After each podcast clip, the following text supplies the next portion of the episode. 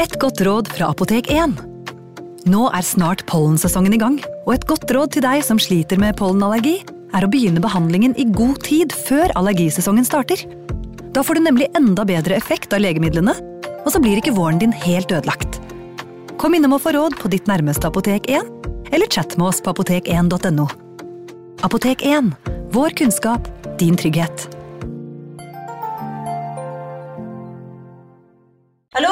Jeg kommer fra Oslo politikammer. Ine Jansen er purk. Er du purk? The motherfucking bitch. Alt jeg vil, er å finne ut hva som skjedde med mannen min. Jon Carew. Er jeg sikta for noe? Iben Akeli. Det er du. Ole So, Lars Berrum og Big Daddy Karsten. Hvem sin side er du på, egentlig? Anette Hoff, Tone Danielsen, Kommer du fra Afrika? Jørnis Josef, Nesten kløfta. Trond Espen Seim, Det er synd å si det, men det var feil mann som døde.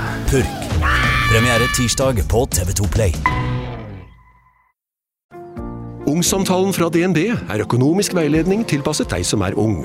Bokk en ungsamtale på dnb.no. slash ung. Det er kjempebra hvis du skal inn på boligmarkedet, hvis det er drømmen din, liksom. Det er det du skulle sagt. Og så kunne du ropt litt mer, da, sånn som jeg gjorde. Bam! Advarsel. Denne podkasten inneholder skildringer av ekte drap og kriminalsaker som kan være støtende for enkelte. Det advares også mot sterke inntrykk i deler av episoden. I forrige episode av True Crime Podden fikk vi høre om Fred Wests oppvekst og mye av det han gjorde og opplevde i livet før han møtte Rosemary, som senere skal bli hans kone. Jeg synes det var vesentlig informasjon, for jeg tror nøkkelen til å forstå hvorfor Fred ble så forferdelig som han til slutt ble, selv om vi ikke har hørt om det verste enda, den nøkkelen ligger i barndommen hans. Alle kan vel være enige om at Fred hadde en forferdelig oppvekst, og at det sannsynligvis formet sinnet hans. Men han hadde seks yngre søsken som ikke ble seriemordere, selv om de levde under samme tak, samme regime og opplevde det Fred opplevde. Det er det som er så spennende her, sett i sammenheng med viktigheten av arv og miljø. Det at dette er et så godt eksempel på at både hvordan en er skrudd sammen, for å si det enkelt, kombinert med verst tenkelige oppvekst, kan føre til så grusomme konsekvenser som det gjorde i denne saken. Fred West er et klasseeksempel på at både arv og miljø spiller inn når vi formes, men det er ikke alt. Denne historien handler ikke bare om Fred, men om Rosemary også. Hun er ikke noe bedre enn Fred. Noen mener hun er verre, mer sadistisk, ondere enn han. Dere skal få høre litt om hennes oppvekst før hun møter Fred, og resten av historien om hvordan de to sammen ble to av Storbritannias verste seriemordere gjennom tidene. Her er del to av historien om Fred og Rosemary West. Velkommen til True Crime Podden.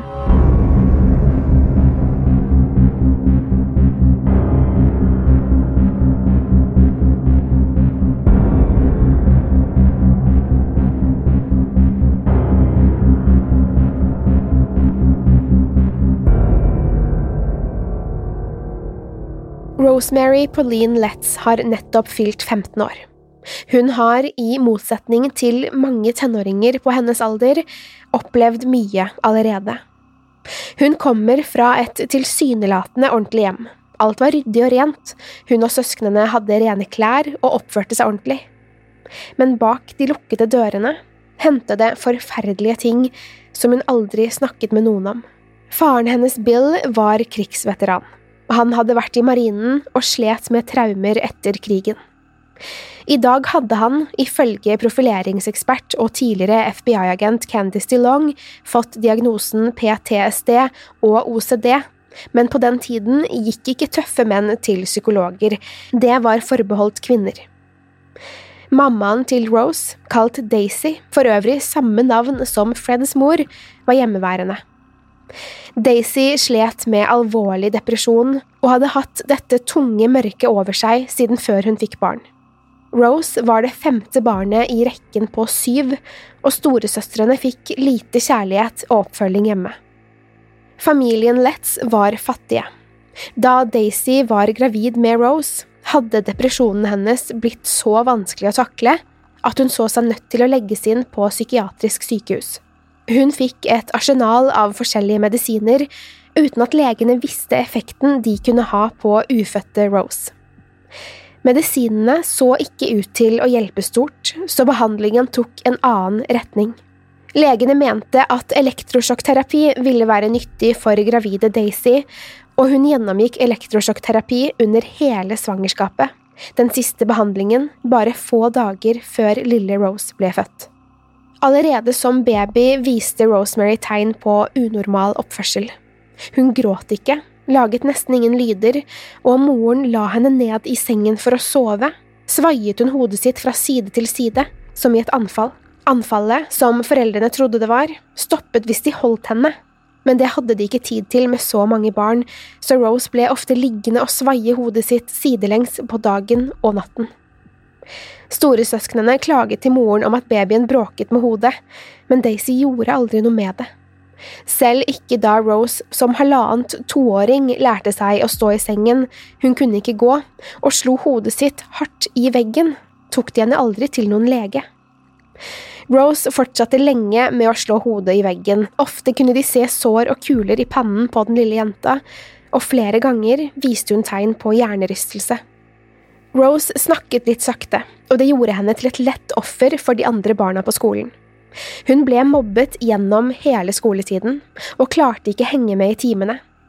Ingen av de ansatte på skolen fulgte henne opp, så Rose kunne så vidt lese og skrive som tiåring. Hun ble kalt Dozy Rosie på grunn av måten hun snakket på, og hadde ingen venner. I starten ble Rose lei seg, men jo eldre hun ble, jo mer vokste sinnet hennes frem. Hun ville begynne å forsvare seg og yppe til slåsskamp mot de som mobbet henne. Rose var stor for alderen og derfor sterkere enn de andre, så etter litt trening på slåssing vant hun kampene lett. Rose ble fryktet av de andre barna etter hvert, og da de andre fikk kjærester og bestevenninner, var Rose alene. Hun slet med overvekt fra hun var syv–åtte år, og fikk ingen oppmerksomhet fra guttene i klassen. Hjemme var det ikke noe bedre. Rose sin eldste søster flyttet hjemmefra da Rose var rundt ti år gammel, og idet søsteren forlot hjemmet, ble faren hennes plutselig mer oppmerksom på Rose. Han strøk henne over ryggen, og noen ganger gled hendene hans til steder der det ikke skulle være. Han voldtar datteren jevnlig, og Rose tror at det er vanlig, slik fedre gjør. Han sier at han har rett til å gjøre hva han vil med henne, han er tross alt faren hennes.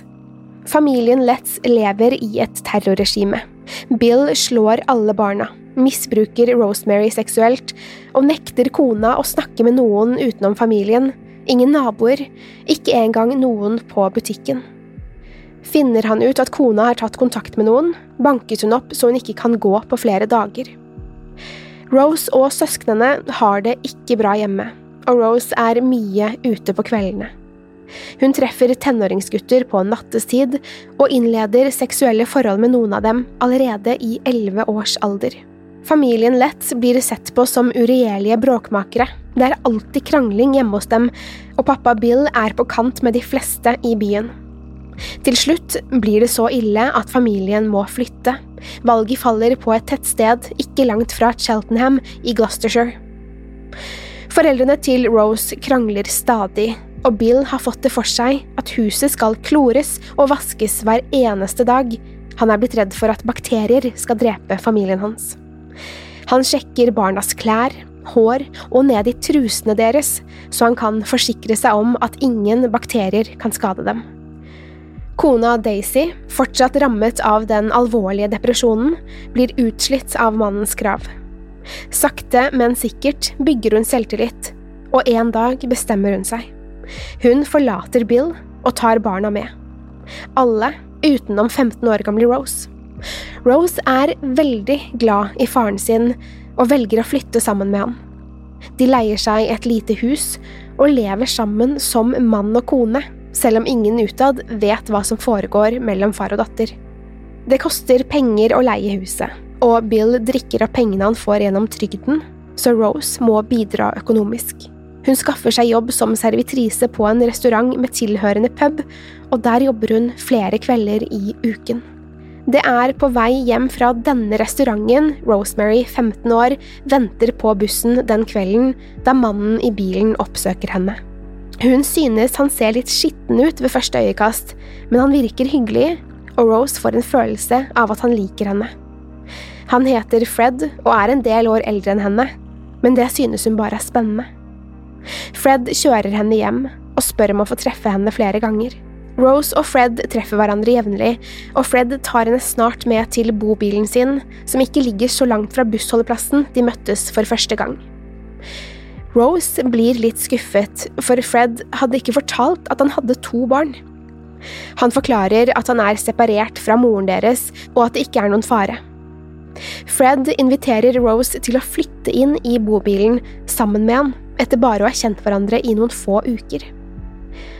På denne tiden forsvinner en ung jente fra en annen bussholdeplass, heller ikke så langt fra der Fred og Rose traff hverandre. 15 år gamle Mary Bestholm er ferdig på jobb. Hun er servitrise på samme restaurant som Rose jobber på, men de kjenner hverandre ikke så godt. Jenta hadde gjort ferdig skiftet sitt og ble sist sett ved bussholdeplassen hun alltid tok buss fra etter jobb. Foreldrene hennes melder Mary savnet til politiet, og innbyggerne i byen leter i dagevis uten nevneverdig resultat. Det eneste politiet har å gå etter, er et vitne som mener han så Mary sette seg inn i en ukjent bil samme kveld som hun sist ble sett. Rose er nå blitt forelsket i Fred. Han gir henne den oppmerksomheten hun så desperat har søkt etter i alle år. Hun går fra å være en innesluttet, sjenert, aggressiv og overvektig jente til å blomstre opp, plutselig er hun snill og blid, og faren hennes legger merke til at hun har gått ned i vekt. Han gjør tilnærmelser mot datteren, men hun avviser ham, og det har hun ikke gjort før. Han spør henne hva som plager henne, men Rose svarer ikke. Hun er nesten aldri hjemme lenger, og vil ikke snakke med ham. Bill finner etter hvert ut at datteren har møtt en mann, og de krangler om det. Bill vil ikke at Rose skal treffe mannen, men Rose står på sitt og sier at hun ønsker å flytte inn hos Fred. Faren sier at hvis Rose gjør det, får hun aldri flytte hjem igjen, og sånn blir det. Rosemary flytter inn i Freds bobil og får ansvaret for å passe på Charmaine og Anne Marie. Livet er vanskelig. Hun har mistet jobben som servitrise, og Fred har foreslått at hun kan selge sex for å tjene penger istedenfor. Han sier at hun gjerne må gjøre det fra bobilen, for han liker tanken på at Rose er med andre menn. Slik blir det. Bare 16 år gammel jobber Rose som prostituert. Rosemary liker ikke barna noe særlig, og den eldste, Charmaine, er den hun liker minst. Rose synes hun er stygg, og liker ikke at hun spør etter mat hele tiden. Hun kjefter og slår Charmaine, som er vant til å bli behandlet slik av Fred fra tidligere. Charmaine spør også ofte etter moren Rena, og Rose dikter opp historier om at Rena hatet Charmaine og rømte på grunn av henne. Den lille jenta gråter hver dag og prøver å fortelle faren om problemene med Rose, men Fred vil ikke høre. Etter hvert flytter familien til en leilighet istedenfor den trange bobilen, for Rose er gravid med sitt første barn. Hun er ganske sikker på at Fred er faren, og i juni 1970 kommer lille Heather West til verden. Rose og Fred flytter inn i leiligheten med deres nyfødte datter, og Fred er helt sikker på at Heather er hans barn. Charmaine og Anne Marie flytter også med, og det er rolig i hjemmet for en liten stund. Helt til Fred blir arrestert av politiet. Han er mistenkt for innbrudd og tyverier i området, og siden politiet finner deler av tyvgodset hjemme hos han, må Fred i fengsel. Rose er nå 17 år og alene med tre barn, to som ikke er hennes. To hun ikke engang liker. Hun savner Fred og besøker han i fengselet så ofte hun kan. De gangene det er lov, tar hun også med barna for å besøke han, men han er ikke så interessert i å snakke med dem. Han spør heller Rose om hun jobber og selger tjenester til menn hjemmefra, og Rose forteller om kunden hun har. Fred blir opphisset av å høre om det og gleder seg til å komme hjem. Det virker også som om Rose savner Fred, og hun forelsker seg i ham på nytt mens han soner straffen sin i fengsel. De dagene Rose ikke får besøkt Fred, skriver hun brev til ham. I løpet av de månedene Fred sitter i fengsel, vokser sinnet til Rose. Et hat bygger seg opp inni henne, og det går mest utover Charmaine, som nå er åtte år.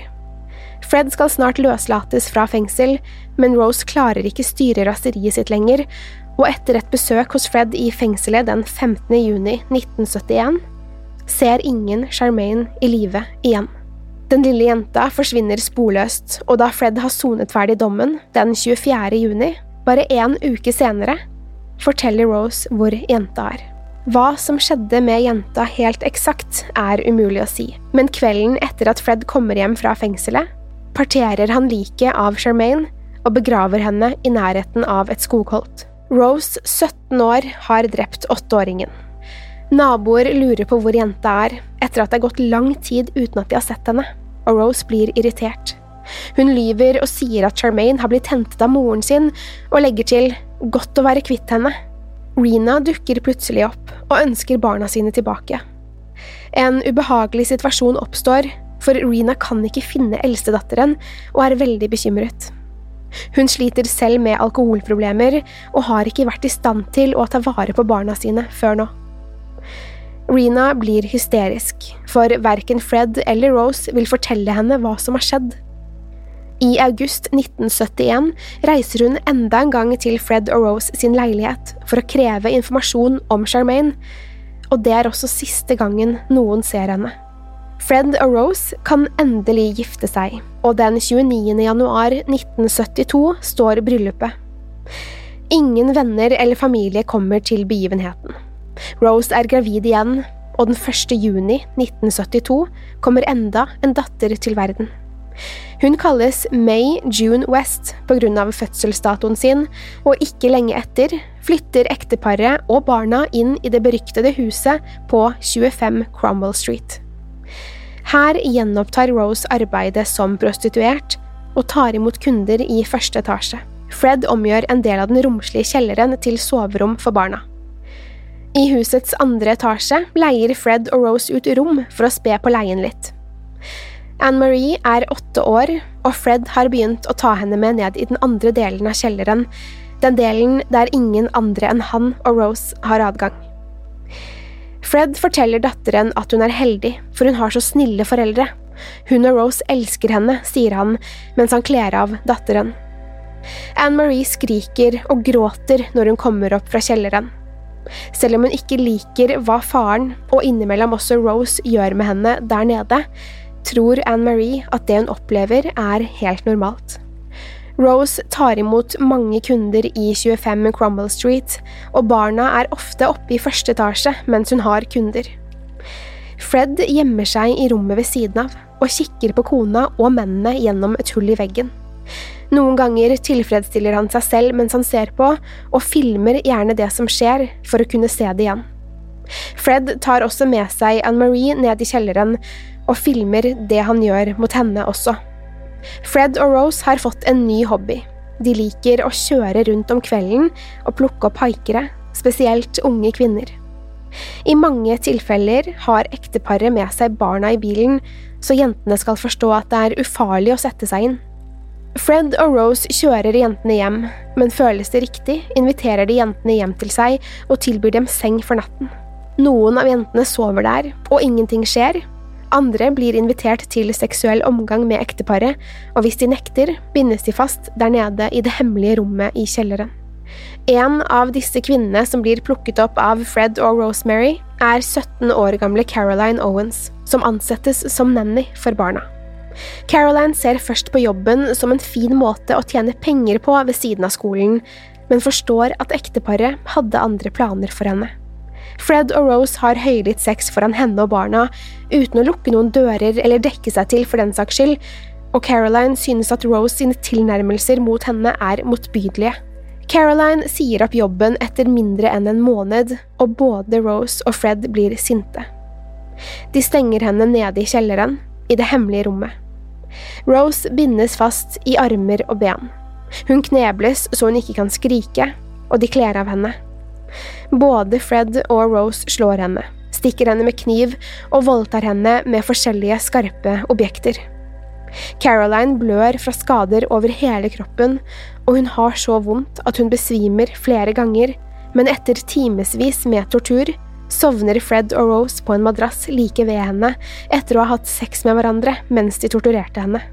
Caroline klarer å komme seg løs fra bindingene og løper naken ut av huset og nedover bilveien. Hun løper, blodig og livredd, hele veien hjem og kollapser i gangen hjemme. Moren hennes ringer ambulanse, og Caroline får behandling for skadene sine. Hun anmelder ekteparet West til politiet. Caroline sliter lenge med det som skjedde, særlig den psykiske påkjenningen er verst. Når tiden er inne for rettssaken, er Caroline så psykisk nedbrutt at hun ikke engang orker å møte i retten. Saken frafaller, og Fred og Rosemary slipper unna. De må bare betale en bot på 25 pund, og saken er ute av verden. Fred og Rose avtaler at neste offer må drepes, så de ikke anmeldes igjen. Sjansen for at de slipper unna en gang til, er minimal. Neste offer blir Linda Goff tre måneder senere. Hun er 19 år og har leid rom hos ekteparet flere ganger. En kveld lurer de henne ned i kjelleren og slår henne i hodet så hun besvimer. De teiper hele hodet hennes og stikker to sugerør inn i neseborene slik at hun skal få puste. Deretter henger de henne i taket, fra håndleddene og anklene, slik at de kan svinge Linda mellom seg og bytte på å misbruke henne seksuelt. De slår henne med hammer på alle leddene slik at de brekker, de stikker henne med kniv og slår henne gjentatte ganger. Linda dør til slutt av indre blødninger, og Fred kutter ned den ihjelslåtte kroppen hennes og parterer liket. I samme rom som Linda døde, begraves hun i et hull i jordgulvet. Lindas mamma vet at datteren har bodd hos ekteparet ved flere anledninger, og spør om de har hørt fra henne, for Linda har vært borte i flere dager. Rose svarer surt at Linda ble kastet ut fordi hun slo et av barna deres. Lindas mamma ser ned og legger merke til noe som får henne til å undre seg over hva som har skjedd. Rose har på seg Lindas tøfler, og når moren snur seg for å gå tilbake til bilen sin, ser hun datterens T-skjorte og kjole henge til tørk på en klessnor. Flere kvinner forsvinner i området. Den neste er 17 år gamle Carol Ann Cooper. Hun blir sist sett ved en bussholdeplass den 10. november 1973, og det viser seg at også hun dør på samme grufulle måte som Linda. Gjennom de neste 17 månedene forsvinner fire andre unge kvinner, også de begraves i kjellergulvet. Det samme skjer med 18 år gamle Juanita Mott og 21 år gamle Lucy Parrington, og etter disse la Fred betong over hele kjellergulvet, for det var ikke plass til å begrave flere. Fred og Rosemary har rukket å få et tredje barn. Stephen West ble født i april 1974. I 1978 forsvinner 18 år gamle Shirley Robinson. Hun var høygravid da hun forsvant, og hadde leid rom hos ekteparet flere ganger før. Det ryktes om at Fred hadde hatt et sidesprang med henne, som gjorde Rose veldig sjalu. Rose var sikker på at Shirley ventet Freds barn, men hvem av de to som faktisk drepte Shirley, finnes det ingen svar på. Hun ble som de andre partert, men denne gangen skar Fred også ut det døde fosteret hennes fra magen og begravde det sammen med Shirley i hagen bak huset. Den som behandles verst av paret, er Anne Marie, som i likhet med alle kvinner i Freds liv tvinges ut i prostitusjon, som bare tolvåring. Hun voldtas jevnlig av både Fred og Rose, som liker å bruke gjenstander på henne, og som 15-åring er Anne-Marie blitt gravid med sin fars barn. Anne-Marie mister barnet og bestemmer seg for å flytte ut fra skrekkhuset. Dessverre var det enormt mye mer Anne-Marie ble utsatt for, men vi har valgt å ikke ta med resten, siden vi mener at dere har fått et tilstrekkelig bilde av den terroren hun måtte gjennomleve. Anne-Marie flytter til venner, men kommer hjem igjen. I 1978 føder Rose enda et barn, Louise West, og et halvt år senere dør Rose sin far Bill. Rose er lei seg, for hun var veldig knyttet til faren sin. Det ryktes om at Bill var en av Roses faste kunder helt til han døde. I august 1979 forsvinner 16 år gamle Alison Chambers, som hadde rømt fra barnehjemmet hun bodde på, og blitt ansatt som nanny hos Fred og Rose. Alison begraves i bakhagen hun også, og hun er den siste man vet som ble drept av ekteparet, foruten om ett av deres egne barn. Anne Marie har hatt det så dårlig de siste årene at hun til slutt valgte å rømme hjemmefra enda en gang. Hun fortalte ikke noen hvor hun skulle, hun bare dro en dag, og dermed var Heather den eldste jenta av barna. Etter at Anne Marie flytter ut, begynner mishandlingen fra foreldrene, og Heather både voldtas og slås av begge to. Det går dårligere på skolen, og Heather møter opp med blåmerker over hele kroppen. Hun forteller venner om mishandlingen hjemme, men ingen gjør noe. Karakteren hennes synker, og hun blir sett på som en bråkmaker, som lærerne hennes i etterpåklokskap forstår var rop om hjelp. I juni 1987 har Heather vært lei seg lenge, for hun har søkt på flere skoler og jobber i andre byer for å komme seg unna foreldrene sine. Både Steven og lillesøster May husker at Heather gråt seg i søvn natt til den 19. juni 1987, for hun hadde fått avslag på alle søknadene sine. Neste morgen var hun vanlig igjen, og både Steven og May så Heather sitte i sofaen hjemme da de gikk på skolen. Da de kom hjem på ettermiddagen, var Heather borte. De fikk vite at hun hadde takket ja til en jobb i en annen by, og barna syntes det var litt rart, siden hun hadde fått avslag på alle søknadene. Ingen hører fra Heather igjen. Hun er sporløst borte.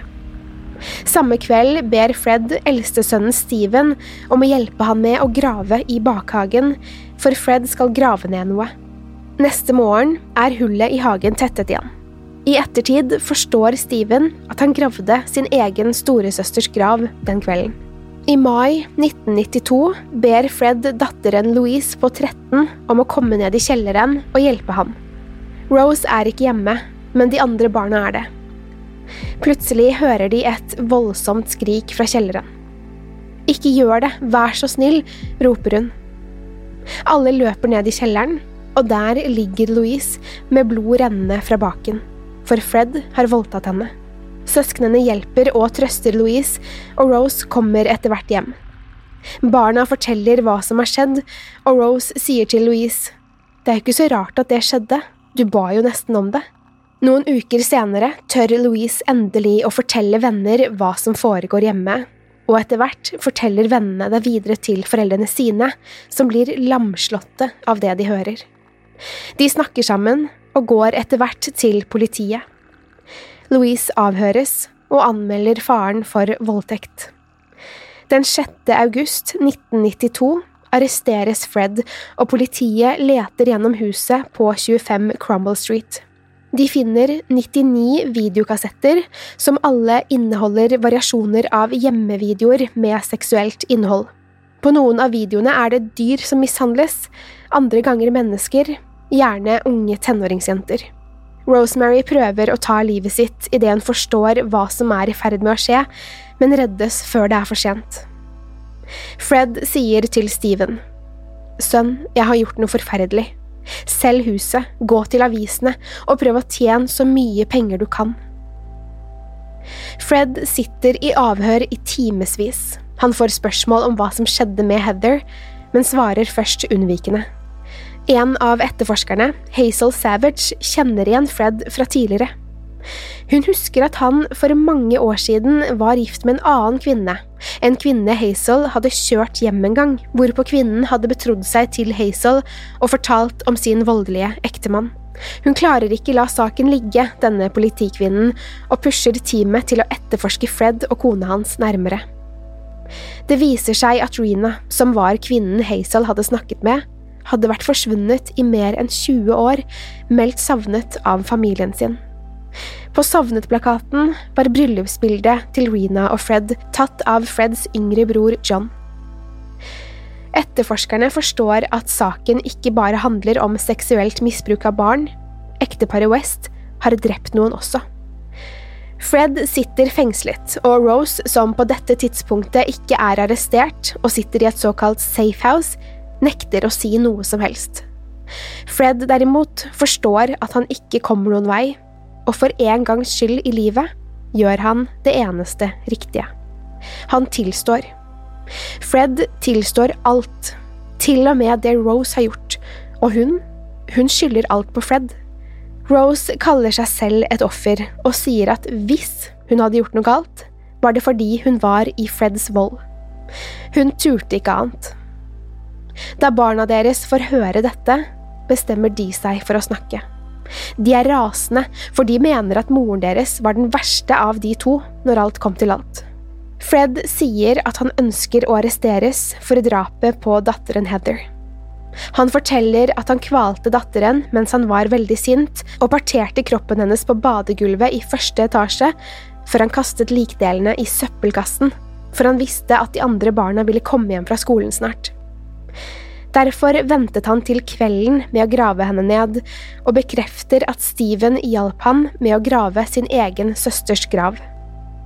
Steven og de andre barna får sjokk og er helt knust over nyheten om Heather. Til sammen finner politiet rester av ti mennesker i og rundt huset, deriblant Heather, åtte år gamle Charmaine og moren hennes, Rena. Fred sier han har drept alle, og at Rose ikke drepte noen av dem, selv om det viser seg at Charmaine ble drept mens Fred satt i fengsel. Selv om Fred insisterer på at han drepte alle sammen alene, arresteres også Rose West, mistenkt for voldtekt, mishandling og drap. I avhør svarer hun ingen kommentar på alle spørsmål. I juli 1994, etter nesten to år i varetekt, møtes Fred og Rosemary igjen i rettssalen, der begge skal tiltales foran dommeren. Fred prøver desperat å få kontakt med Rose, han søker øyekontakt med henne, han strekker seg for å legge en hånd på skulderen hennes, men Rose nekter å se i retningen hans. Hun ignorerer ham totalt, avviser han på iskaldt vis. Fred tiltales for elleve mord, Rose for ni. Fred er helt knust av avvisningen. Han gråter seg i søvn i flere uker på rad, ifølge andre innsatte. Han betegnes som deprimert, men får ingen oppfølging i fengselet for det. Den 1. januar 1995, etter en luftetur i bakgården, går Fred West tilbake til cellen sin. Han setter seg ned og skriver på stotrende engelsk. Til Rose West, Steve og May. Vel, Rose, du hadde jo bursdag den 29. november, 41 og fortsatt like nydelig. Jeg elsker deg. Vi kommer alltid til å elske hverandre. Det beste som hendte i livet mitt, var å møte deg. Vår kjærlighet er spesiell. Så min kjære, hold løftene du ga meg. Du vet hva de er. Hvor vi skal være sammen for alltid, er opp til deg. Vi elsket Heather begge to. Jeg hadde likt om Charmaine fikk hvile med Heather og Rena. Du kommer alltid til å være fru West, også for resten av verden. Det er viktig for meg, og det er viktig for deg. Jeg har ingen presang til deg, alt jeg har, er livet mitt. Det vil jeg gi deg, min elskede. Når du er klar, kom til meg. Jeg venter på deg. Klokken 11.30 får Fred tilbrakt lunsjbrettet sitt på cellen. Han river lakenet sitt i lange remser og knytter dem hardt sammen. Deretter går han opp på krakken sin og kaster tauet han har laget gjennom luken i taket, og knyter den fast. Han binder så en løkke i den andre enden, som han strammer rundt halsen sin. Deretter sparker han krakken vekk. Freds nakke brekker ikke. Han har gjort feil, så istedenfor en rask død han trolig håpet på, henger han der og kveles sakte til døde. Han henger der i nesten 50 minutter før han blir funnet, og da er det akkurat for sent å redde han. Fred er død, og på veggen bak han har han skrevet Fred, massemorderen fra Gloucester. Familiene til ofrene, som endelig har fått svar, noen etter mer enn 20 år, er forbannet. De ønsker at Fred skulle stå for det han hadde gjort, og mener han fikk en lett utvei.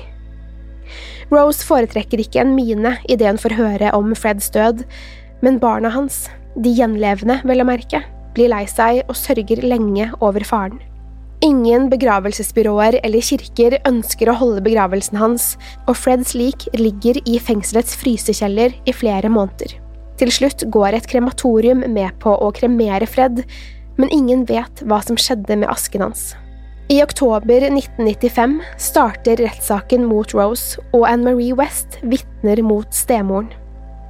Hun avslører også at Freds bror John voldtok henne da hun var liten, og mener foreldrene lot det skje.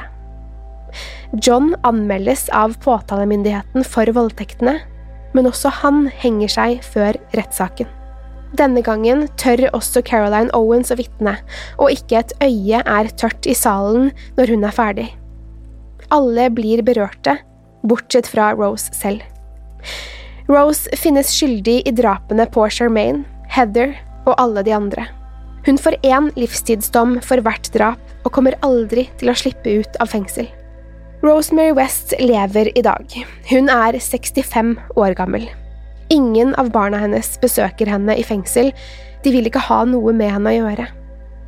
Fred fortalte mye i sine avhør og begynte å fortelle om mange flere drap enn de han var tiltalt for, men politiet har ikke klart å linke han, eller Rose for den saks skyld, til andre enn de elleve og ti de var tiltalt og dømte for.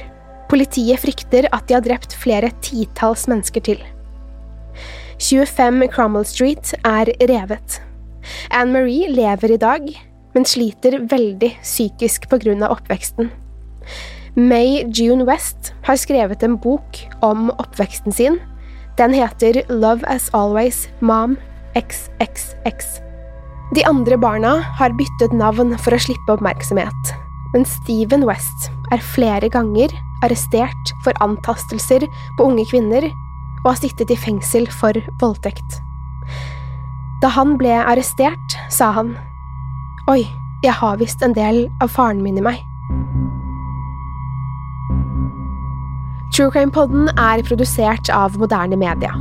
Mitt navn er Pernille Tufte Radeid, og jeg vil takke Håkon Bråten for produksjon, lyd og musikk, og Jim Fosheim og Torgeir Johansen for kommersielt arbeid.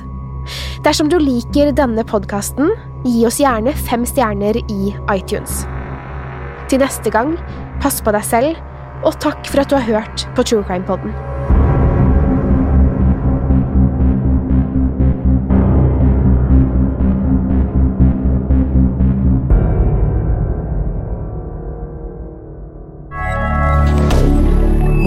media. Har du et enkeltpersonforetak eller en liten bedrift? Da er du sikkert lei av å høre meg snakke om hvor enkelt det er med kvitteringer og bilag i fiken, så vi eh, gir oss her, vi. Fordi vi liker enkelt. Fiken superenkelt regnskap. Hei! Takk for at du lytter til True Crime Podden. Skulle du ønske at du kunne høre en ny episode av denne podkasten hver eneste uke? Vel, da er det bare å laste ned podkastappen Untold med en gang. I tillegg til ukentlige episoder av podkaster som Skrekkpodden, Synderne og Henrettelsespodden, får du masse annet reklamefritt og eksklusivt innhold. Last ned Untold i AppStore eller Google Play, og start din 30 dagers prøveperiode i dag.